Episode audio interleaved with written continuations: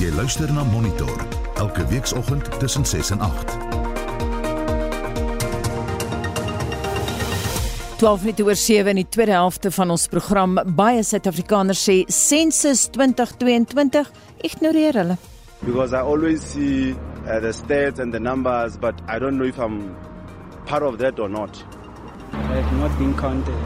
Even the, the commune with my roommates, we have not been counted. So we feel like we are not included. We are not taken seriously. Die burger lugvaartowerheid sê hy werk nou saam met Comair om die redery so gou as moontlik weer in die lug te kry. And that is the process that we are going through now with the airline. It's because we're expecting them to then satisfactorily close the findings. Once that is done, the director has got the powers to uplift the suspension.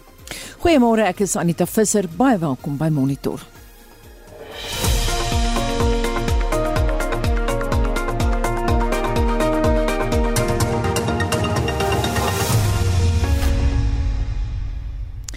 Daar was gister erge meningsverskille onder politieke partye in die nasionale vergadering oor die oorlog in Oekraïne.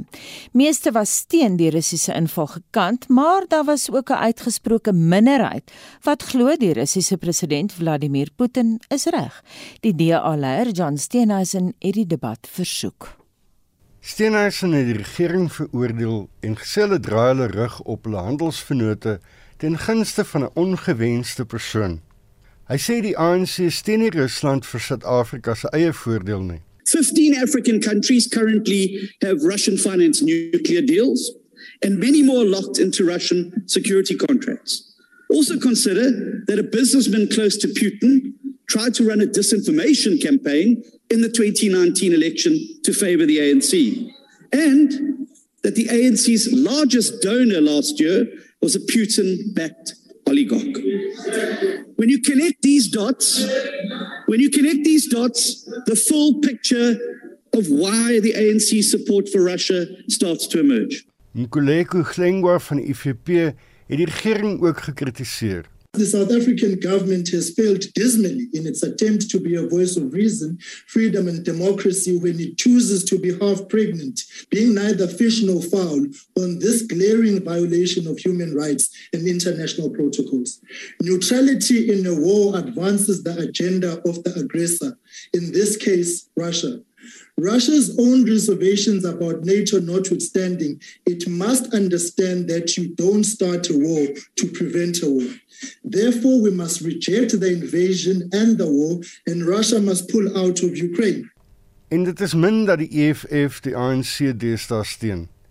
Die party se adjunkpresident, Floyd Shivambu, sê Suid-Afrika kan nie Rusland in die steek laat in sy stryd teen wat hy die NAVO oorlogsalliansie noem nie. There is absolutely nothing wrong with the military operations that are taking place in Ukraine to prevent the expansion of NATO because we know of their sins and what they've done to destroy many parts of the world of overthrowing government. We stand as the EFF to reaffirm that the relationship that has been built through blood and and and and, and common purpose against colonialism and apartheid must be strengthened through properly defined and deepened economic relationships. Mansour Sheikh, imam van die Nasionale Vryheidsparty, was ook ten gunste van Putin. What is Russia asking for?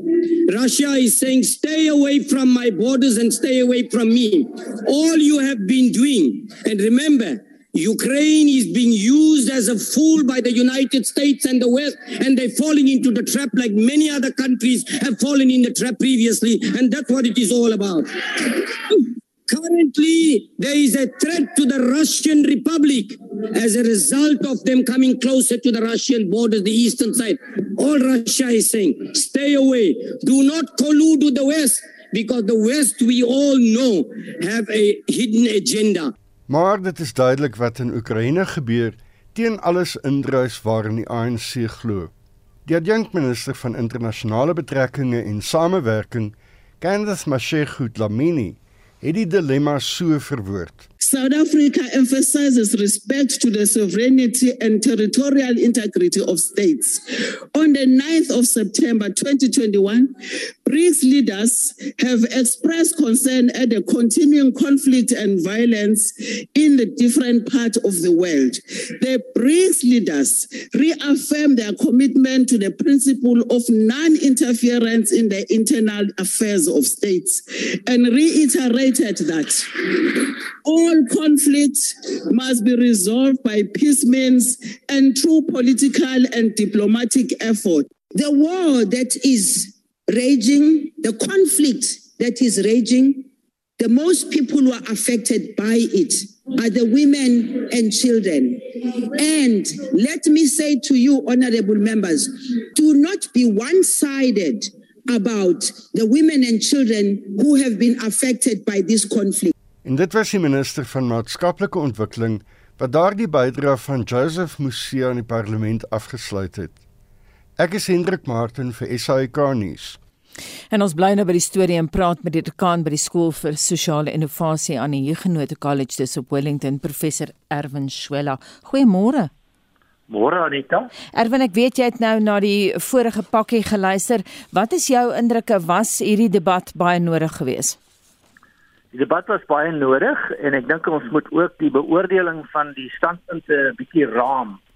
En die raam waarbinne mense dit kan plaas, as jy weet, uh, dit gaan oor gaan dit oor beginsels of gaan dit oor belange en wat is die realiteit teenoor die retoriek? En in die geval as ons daai raam gebruik, dan kan ons vra of hierdie oorlog hoegenaamd geregverdig is teenoor die beginsels. Indien wel, word dit regtens en in ooreenstemming met internasionale reg gevoer.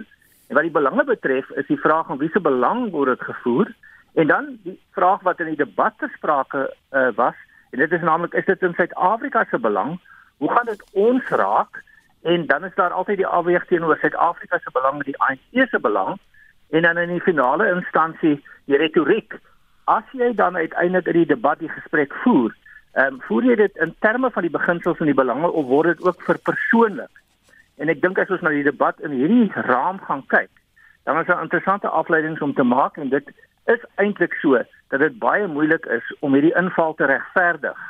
Ehm um, veral ook in terme van die beginsels en die belange en dan word die retoriek gebruik om te sê jy weet julle is eintlik verkeerd steenhuise mis uh, is mis ensovoorts. Hmm. So ek dink in 'n sekere sin Ehm um, die ANC het 'n moeilike situasie. Net op hierdie punt dat ter afsluiting sê aanvanklik ah, ehm um, um, minister Masege Dlamini geluister het so sy die debat ingelei het en mense eintlik gedink sy gaan sê ons is eintlik teen die inval. En dit bewys eintlik dat daar ook dubbelsinnigheid in die ANC se siening hieroor is en in die regering se sieninge. Ja, dit verwys na John Steenhuisen. Hy het op sy beurt verwys na die oligarge wat die ANC finansiëel steun en hy het toe gesê connect the dots and you'll see why the ANC supports Russia. Sê my saam met hom. Daar is 'n sterk standpunt ook in in skoene journalistiek maar ook in analises om maar die geld te volg. En dit hang dan af uh waar gaan die geld heen en dit hang saam met die raam van die uh beoordeling in terme van belange of beginsels. Dit is sodat uh hier 'n sterk belange wat histories gevestig is. Dis dan ook in terme van die retoriek interessant dat histories en dit was ook in die debat uh aangespreek was uh Oekraïne natuurlik ook deel van die uh Unie van Sosialistiese Sowjetrepublieke, republieke. So eintlik het hulle ook die ANC ondersteun dit bevestig dan dat daar vraag vraag gevra kan word oor waaroor gaan dit nou hier? Gaan dit oor beginsels? En as jy die geld volg en die oligarge en die die staatskontrakte en ons eie politici wat hulle mediese behandeling in Rusland kry, dan lyk dit asof belange hier sterker speel as beginsels. Ons het nou gehoor dat Suid-Afrika genader is om 'n moontlike bemiddelingsrol te speel, maar jou kollega professor Dirk Kotse van Unisa het gesê hy dink die ideale land daarvoor sou Finland wees. Wel ek dink daar's 'n hele aantal lande wat reeds probeer het om 'n bemiddelingsrol te speel en daar's waarskynlik ook 'n hele aantal lande en ehm uh, politieke persoonlikhede wat 'n groter rol sou kon speel. Ehm um, ons weet mos nou dat daar was pogings deur die die, die Israeliese regering om 'n bemiddelingsrol te speel. Daar was pogings deur die ehm um, Turkse regering om 'n bemiddelingsrol te speel. Finland uh, sit op daai grens en het bepaalde uh, posisionering om te kan help. Suid-Afrika is nie goed geplaas teen opsigte van hierdie betrokke debat nie, uh, behalwe dat ons 'n sentiment het wat skynbaar sê dat ons um, op een of ander manier 'n uh, verbintenis het met met Rusland wat eintlik dan nou soos ek reeds gesê het die Unie van so Sowjet-Sosialistiese Republieke was. Ehm um, en ons het nie 'n hoë profiel internasionaal nie.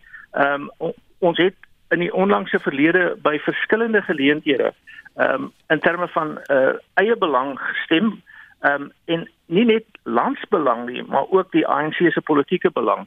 So ek dink die geloofwaardigheid ehm um, word dan ook op die manier uh, is nie gevestig om 'n medieringsrol te speel nie. En dan word die vraag, hoekom bel die president uh, vir um, president Putin en nie vir president Zelensky ook nie? As jy daai bemiddelingsrol wil speel, dan moet jy gesien word dat jy eintlik in 'n sekere sin neutraal is en 'n en 'n bydrae kan maak tot die bemiddeling van hierdie van hierdie gesprek om die konflik uiteindelik te beëindig. Baie dankie. Ons het gepraat met die dekaan by die skool vir sosiale innovasie aan die Huguenot College en dit is op Wellington, professor Erwin Schwella. Die idee van 'n basiese inkomste toelaag word reeds 'n geruime tyd bespreek. Terwyl baie Suid-Afrikaners glo dat die toelaag armoede kan verlig, voel ander dat dit tot belastingverhogings gaan lei. Mitsi van der Merwe het meer.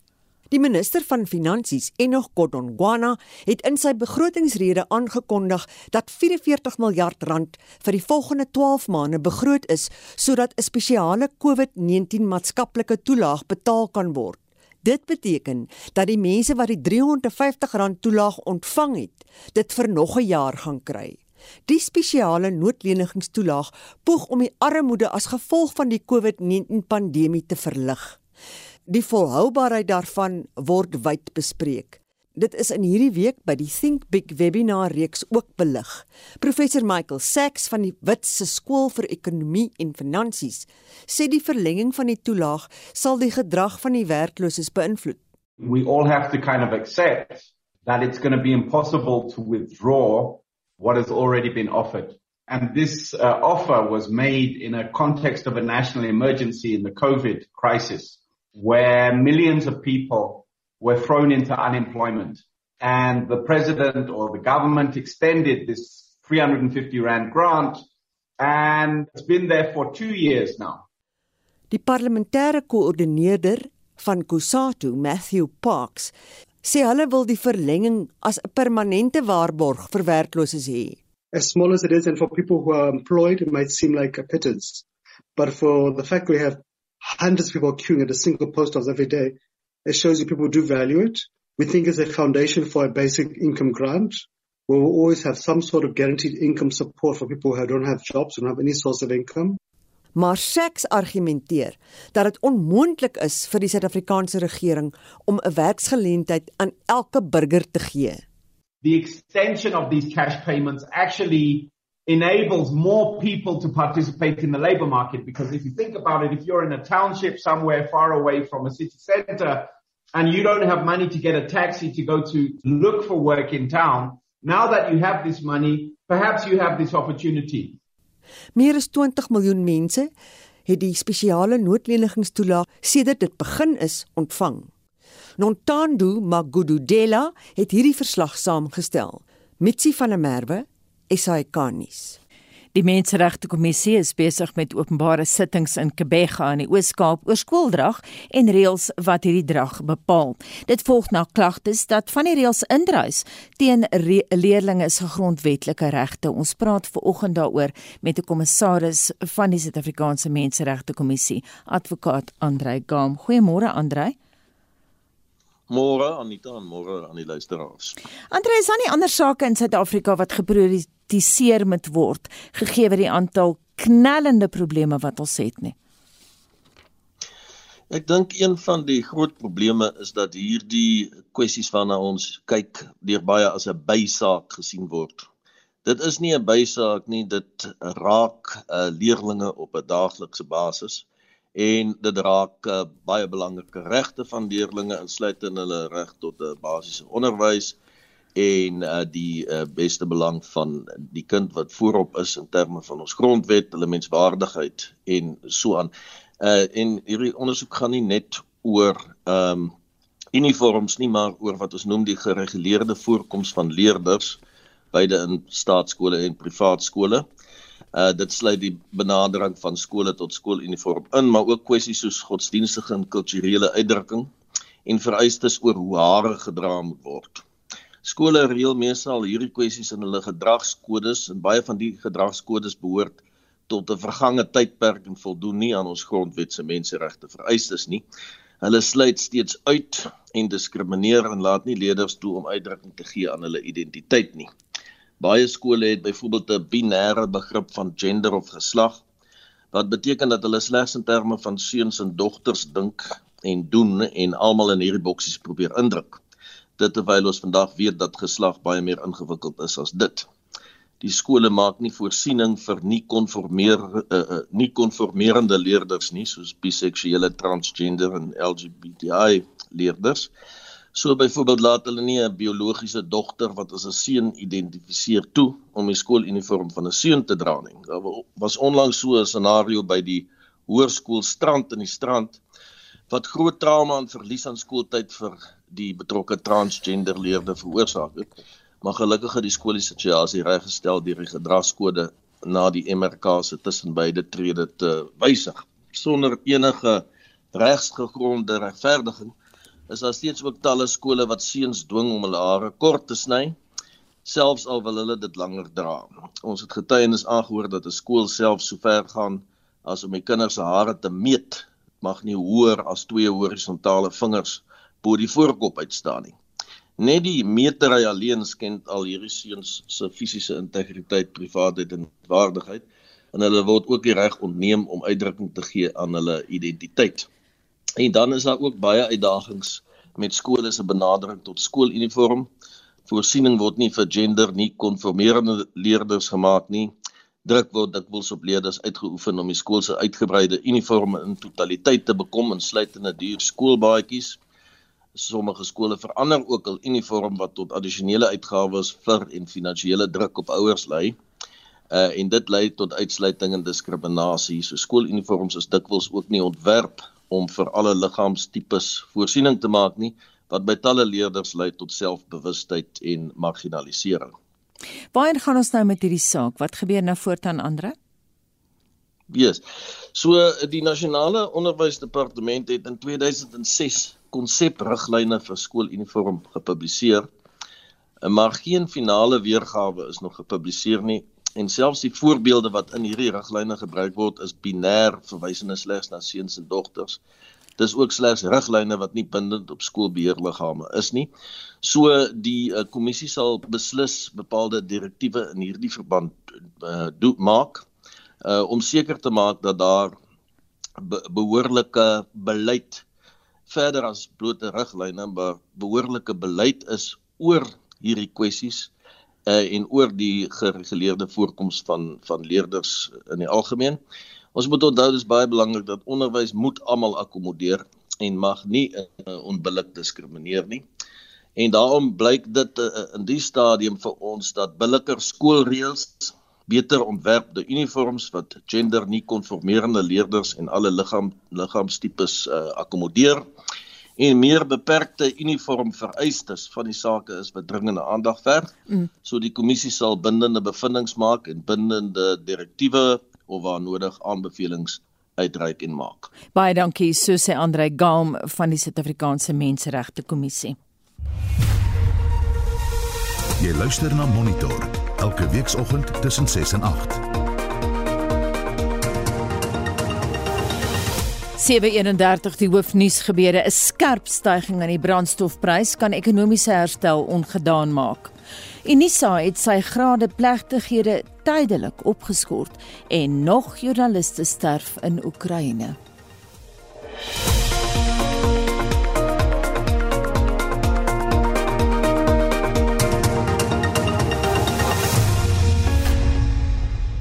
Justin is op sy pos met nog SMS terugvoering. Die rykes verlaat die land, maar wat van ons, die gewone mens, wat doen ons? 'n uh, Naamlose SMS of 'n uh, terugvoer sê dalk is die weiveld groener oor see omdat die bemesting daar meer is. Weet ons in Suid-Afrika werklik van alle probleme in die sogenaamde wonderlike oorseese lande? En uh dan sê Rensha Jacobs van Carltonville, my kinders en kleinkinders is almal in Nieu-Seeland. Dit gaan baie goed met hulle. Ek en my man probeer of uh, probeer gaan kyk elke tweede jaar, maar met COVID is dit al amper 3 jaar wat ons hulle gesien het. Ons mis hulle geweldig, maar gun hulle dit. Die kinders floreer wat nie in Suid-Afrika sou gebeur nie. Sy is geweldig trots op hulle en sy sê dankie tog vir tegnologie vir kontak, anders was dit net briewe en dan sou hulle 'n probleem gehad het. Maar kom ons luister wat uh, van ons luisteraars te sê op ons SMS of ons op ons WhatsApp lyn. Goeiemôre. My jongste kind het 2 weke terug die land verlaat. Hy, sowel as hele klomp van sy kollegas wat daarmee saamgewerk het oor die jare, is 9 Julie deur 'n maatskappy in Europa genader. Hy was in Suid-Afrika op 'n punt wat hy nie verder bevordering kon kry nie omdat sy demografie verkeerd was. Op daardie selfde vliegtuig wat hy die land verlaat het, was 75 in totaal jong Suid-Afrikaners. Hulle families kom later op een vliegtuig. Goeiemôre.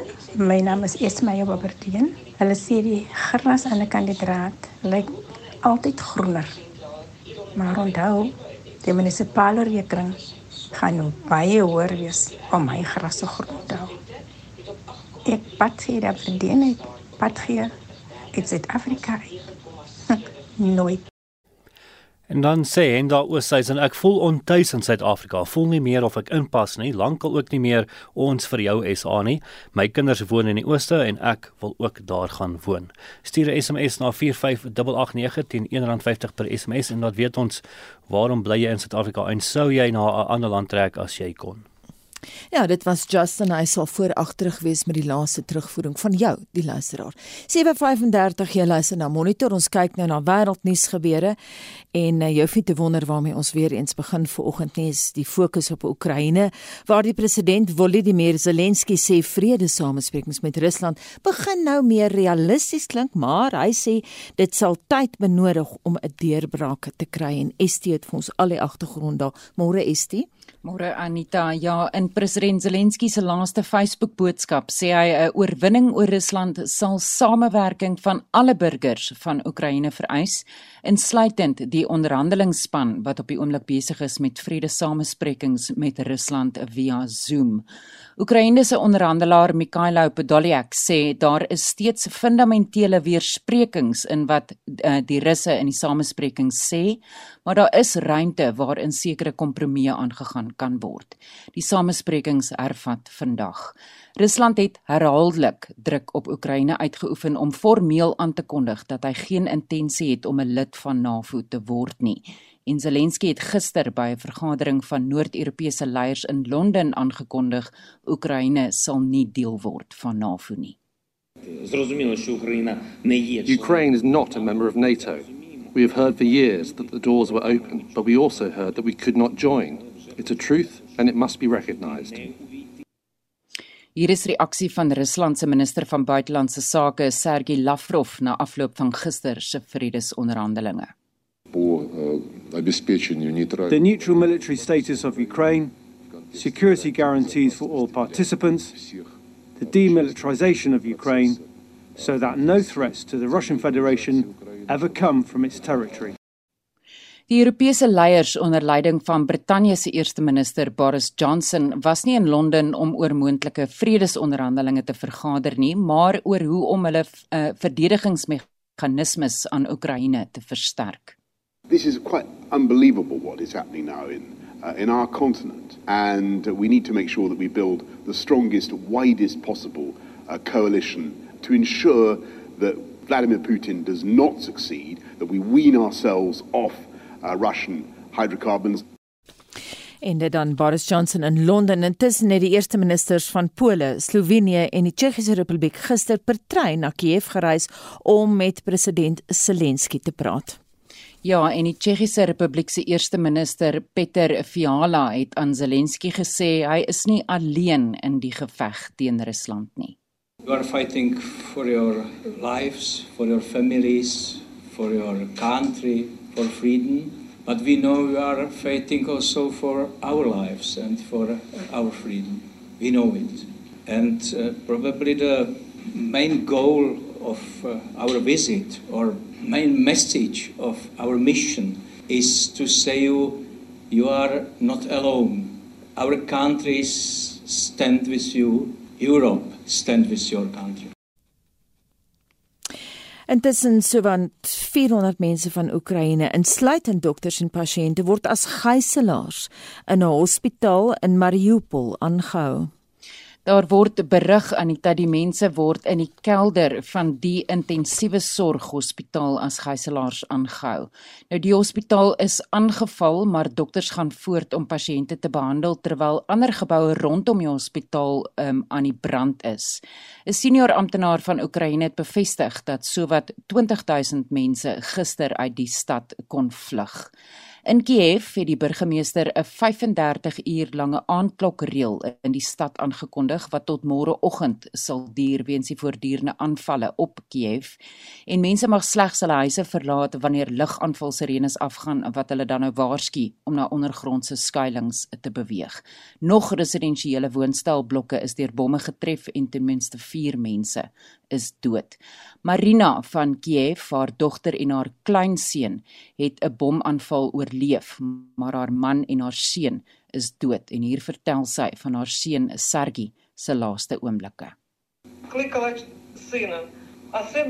My son was screaming. Mom, don't come in here. Run away from here. He was begging me to save his sister and his nephew. He was still conscious. He was in so much pain that he kept saying, Mom, kill me now. Marina sê haar seun het in haar arms gesterf terwyl hy president Putin vervloek het.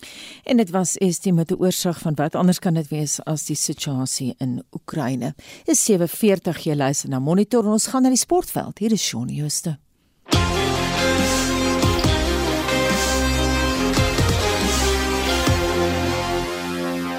Verskeie sportsoorte geniet ons aandag vanmôre en ons begin met cricketnuus. Dit is dag 5 van die tweede toets tussen Pakistan en Australië. Pakistan moet 505 lopies op die tellbord aanteken om die toets te wen terwyl Australië net 8 paaltjies op dag 5 moet plattrek. Die reeks is gelykop met 0 elk nadat die eerste toets geen uitslag kon oplewer nie.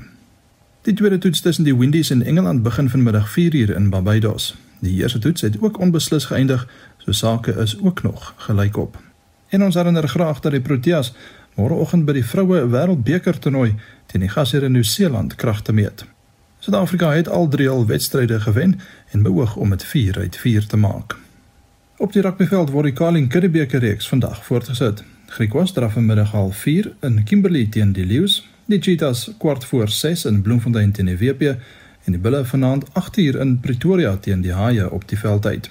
Die Cheetahs en Haie is steeds onoorwonde terwyl die Lions nog na hul eerste oorwinning op soek is. Op die tennisbaan vind die Indian Wells Meesterstoernooi in Amerika plaas. In die mans afdeling is Suid-Afrika se Lloyd Harris gisteraand in die derde ronde met 6-4 en 7-5 deur die wêreldnommer 6 van Italië, Matteo Berrettini, uitgeskakel. In die vroue afdeling se vierde ronde het die derde gekeerde Pool Iga Swiatek met 4-6, 6-2 en 6-3 met die nommer 15 van Duitsland Angelique Kerber afgereken. Sokker. Benfica en Atletico Madrid is deur na die kwartfinale van die Kampioenligga reeks na gisteraand se oorwinnings in die tweede been. Benfica het Ajax Amsterdam met 1-0 en Atletico Madrid het Manchester United ook met 1-0 geklop. Vanaand in hier met Juventus teen Villarreal en Lille teen Chelsea kragte. Sake tussen Juventus en Villarreal is gelykop met 1 elk en Chelsea het 'n 2-0 voorsprong na die eerste been. In die Engelse Premier Liga kom Brighton en Hove Albion vanaand half 10 teen Tottenham Hotspur en Arsenal kwart oor 10 teen Liverpool te staan. Men in die DStv Premier Liga speel Marumo Gallants vanmiddag 5:00 teen Chippa United, Sekhukhune half 6 teen Maritzburg United en Orlando Pirates vanaand half 8 teen SuperSport United. En laastens in golfnuus. Die 45-jarige Henrik Stenson van Swede is aangewys as die nuwe Europese spankaptein vir die 2023 Ryder beker toernooi. Stenson het al aan 5 toernooie deelgeneem met Europa wat in 3 van hulle suksesvol was. Die 2023 weergawe vind aan Stania tussen 25 September en 1 Oktober in Rome in Italië plaas. Zach Johnson is die Amerikaanse kaptein en die VSA is ook die verdedigende kampioene. Shaun Schuster, RSG Sport. As jy wonder hoekom sensuswerkers met hulle groen uitrustings jou vra of jy 'n DVD-speler of 'n stofsuier besit, dan is dit omdat hierdie inligting nuttig vir statistici is. Ons praat nou met Statistieke Suid-Afrika se woordvoerder, Trevor Oosterwyk, oor die jongste oor sensus 2022. Goeiemôre Trevor. Goeiemôre mevrou, baie dankie. Kom ons val sommer dadelik met die deur in die huis. Hoekom is daai soort inligting nodig? Wat maak dit saak of jy 'n DVD-speler het of nie? Dit klink dit klink snaaks dat mense kan vra uh, behoort te vra, maar dit is 'n uh, lewenstandaard uh, aanduiding van lewenstandaarde. En die verslag, die sensusverslag spreek homself nie net oor hoeveel mense is en hoeveel die demografiese inligting maar ook oor lewensstandaarde ehm uh, ten opsigte van armoede en so voort spreek homself daar ook uit. Hoeveel mense het sensus 2022 al besoek? Ons het 'n bietjie gepraat hier in die kantoor rond by ons en baie kollegas is nog nie besoek nie. Ja, ons het nie ons het nie ons uh, hoeveel ons graag by die tyd wou gedoen het. Ons het so 8 miljoen huishoudings, 8 miljoen huishoudings al besoek. Ehm um, dit is net oor die 50% in Limpopo, ehm um, Mpumalanga en Noordwes is hier voor is ver voor en hulle is amper klaar. Maar die probleem is die groot stede Kaapstad, Johannesburg, Durban is baie baie stadig. Baie en deels omdat die uh, die densiteit van die gebied, tweedens die hoë mure en hekke, derdens die geweld op die Kaapse vlakte is moontlik alles wat bydra tot dat dinge so so stadig gaan daar.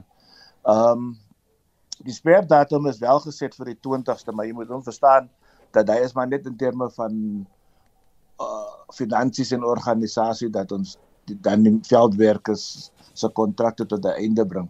Hmm. Maar die statistieke generaal het natuurlik die taak om om verseker te maak dat elke huishouding wel getel word in die ronde.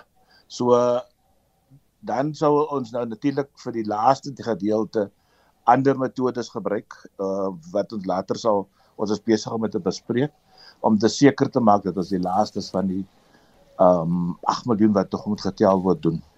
Trevor sê vir my hoeveel van ons landgenote het die aanlyn opsie gebruik? Uh, uh da daar was om by 400 000 Is daar enigiets wat julle uit hierdie proses spesifiek van jaar geleer het uh, in terme van aanpassings wat gemaak kan word met 'n volgende sensusopname, miskien foute of so wat gemaak is?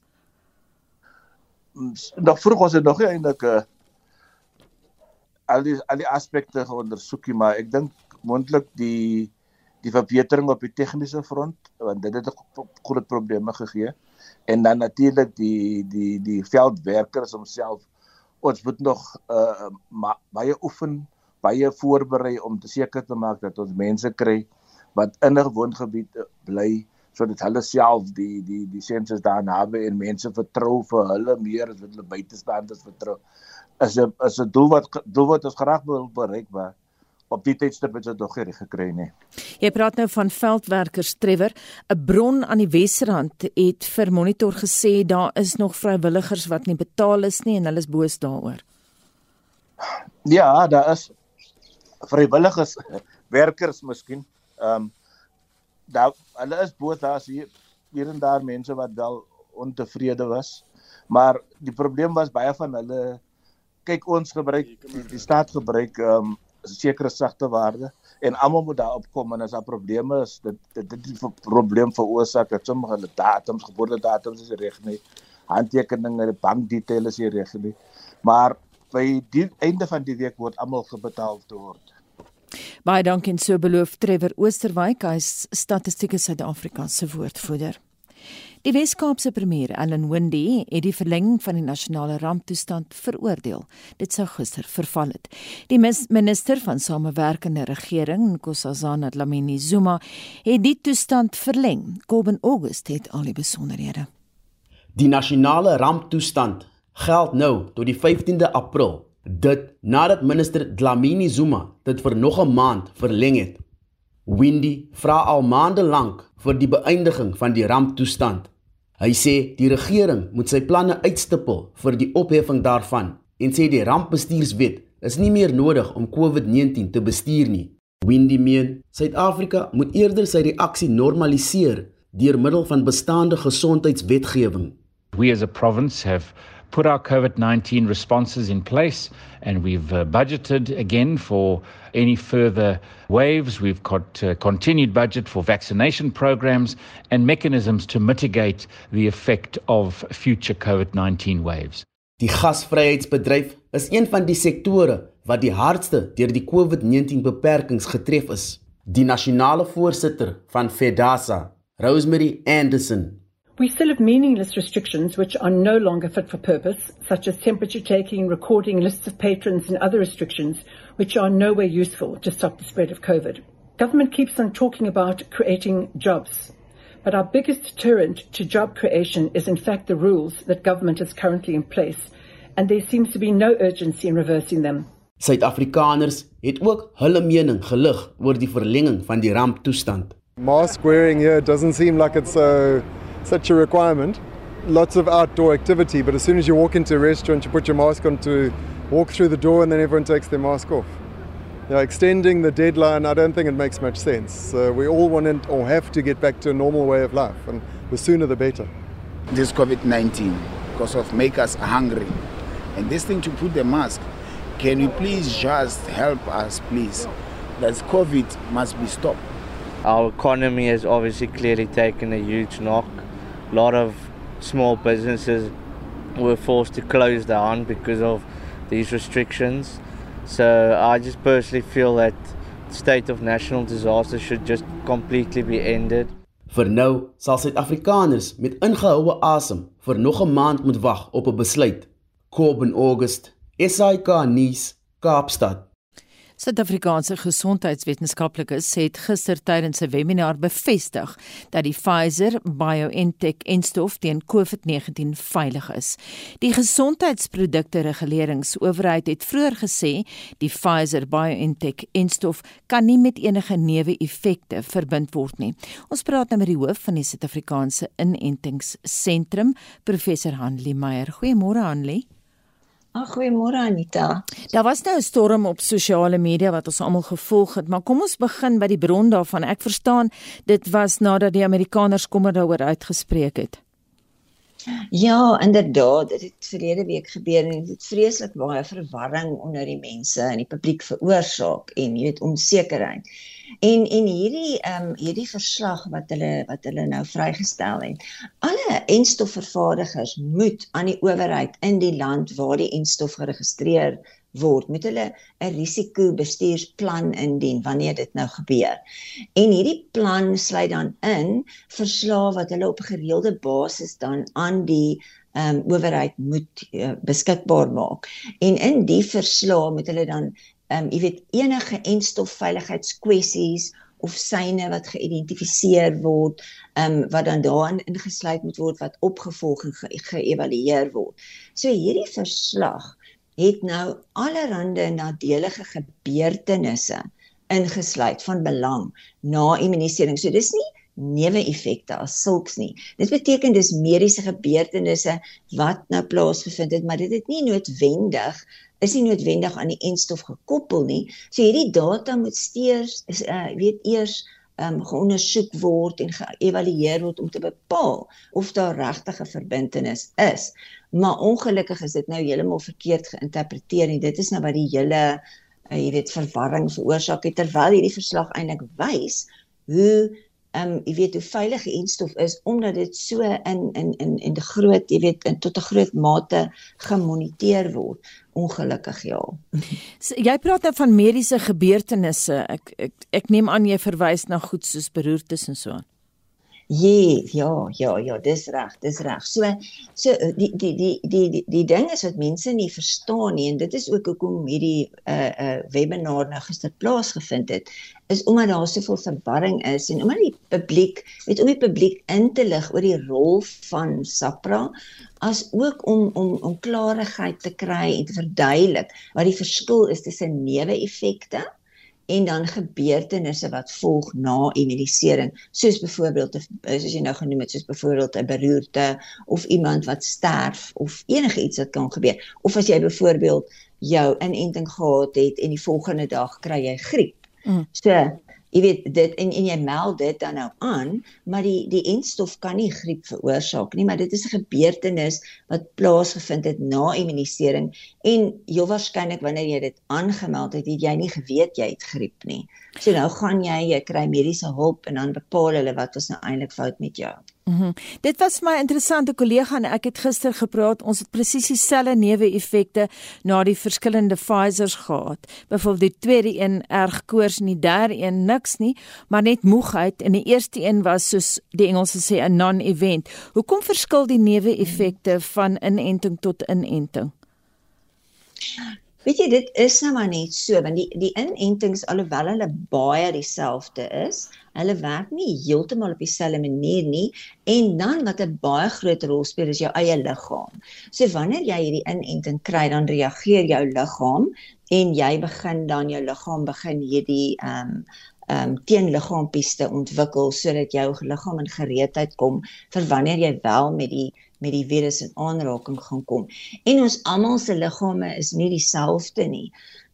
Byvoorbeeld mense wat ehm um, wat 'n baie swak immuniteitstelsel het. Hulle sal byvoorbeeld miskien nie erge neeweffekte eers wys nie omdat hulle immuniteitstelsel verswak is. Hulle mag dalk ook nie so goeie ehm um, jy weet reaksie dan hê of opbouing van die teenliggaampies nie. Maar dis nie altyd te sê nie. Jy weet op die ou en het het ons almal 'n goeie ehm um, jy weet 'n opbou van immuniteit in jou liggaam. Ehm um, maar wat ons nou al gevind het, jonger mense wys gewoonlik meer erge neeweffekte hmm. terwyl die ouer mense minder wys, ja. Mm -hmm. Anlie, een laaste vraag of vinnige antwoord asseblief. Watter van die enstowwe beskikbaar is volgens jou die veiligigste?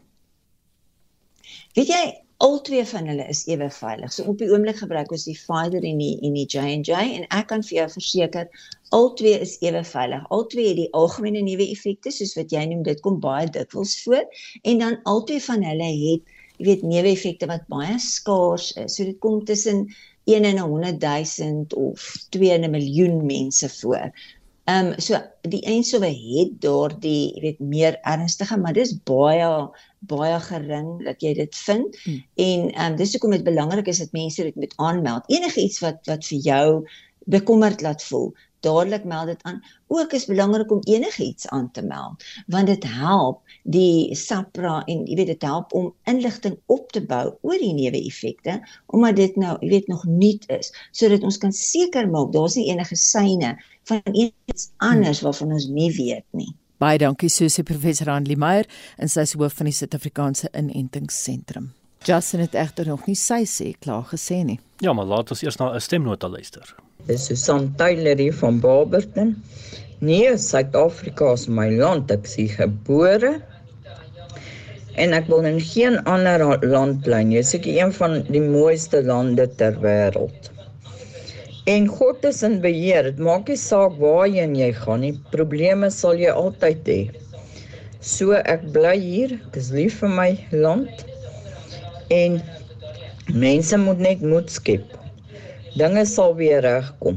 Die hele wêreld is in chaos. So waar jy gaan is moeilikheid. So byt vas, bly in hierdie land. Dis al wat ek wil sê. Lekker dag. Dan sê Valerie van Standerton van my drie seuns is twee reeds in die buiteland. Die een het sy doktorsgraad in Europa voltooi en woon tans in Switserland en die ander een het nadat hy gegradueer het in China begin werk. Hmm. Beide weet een ding, hulle wil nooit weer terugkom Suid-Afrika toe nie. Samuel Walters sê immigrasie kos geld en guts, ek bly waar ek is.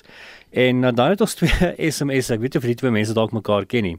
Die eerste een sê as ek nie so oud was nie, sou ek sou ek Alaska toe getrek het. So sê Anne en net daarna het iemand te laat weet meneer Brown se wêreld is Alaska lyk like baie lekker. So sommer twee mense op SMS lyn wat Alaska toe wil trek. Elizabeth Maree sê natuurlik druk die skoen want ons moet met 'n voetjie 'n bestaan maak. Maar wat wil ek in 'n ander land gaan maak? Ek is hier gebore, hier sal ek bly sê sy. En Johan Nel jammer om te sê, uh, oh Johan Nel sê jammer om te sê ek sou skoort as ek kon, maar net waarheen gaan mens? Oral is baie probleme. En die laaste woord vanoggend aan Agatha Ikking.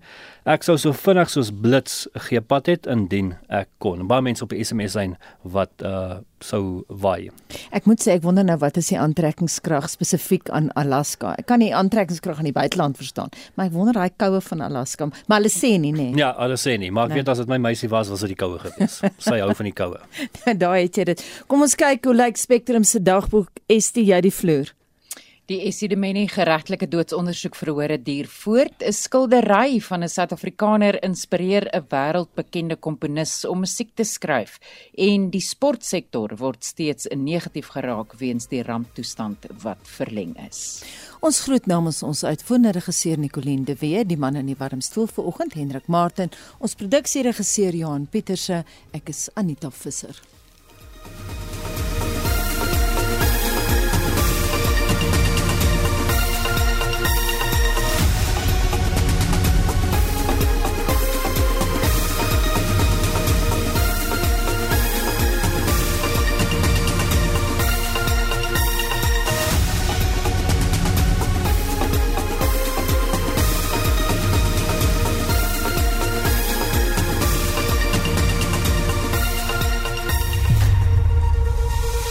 SAK nuus.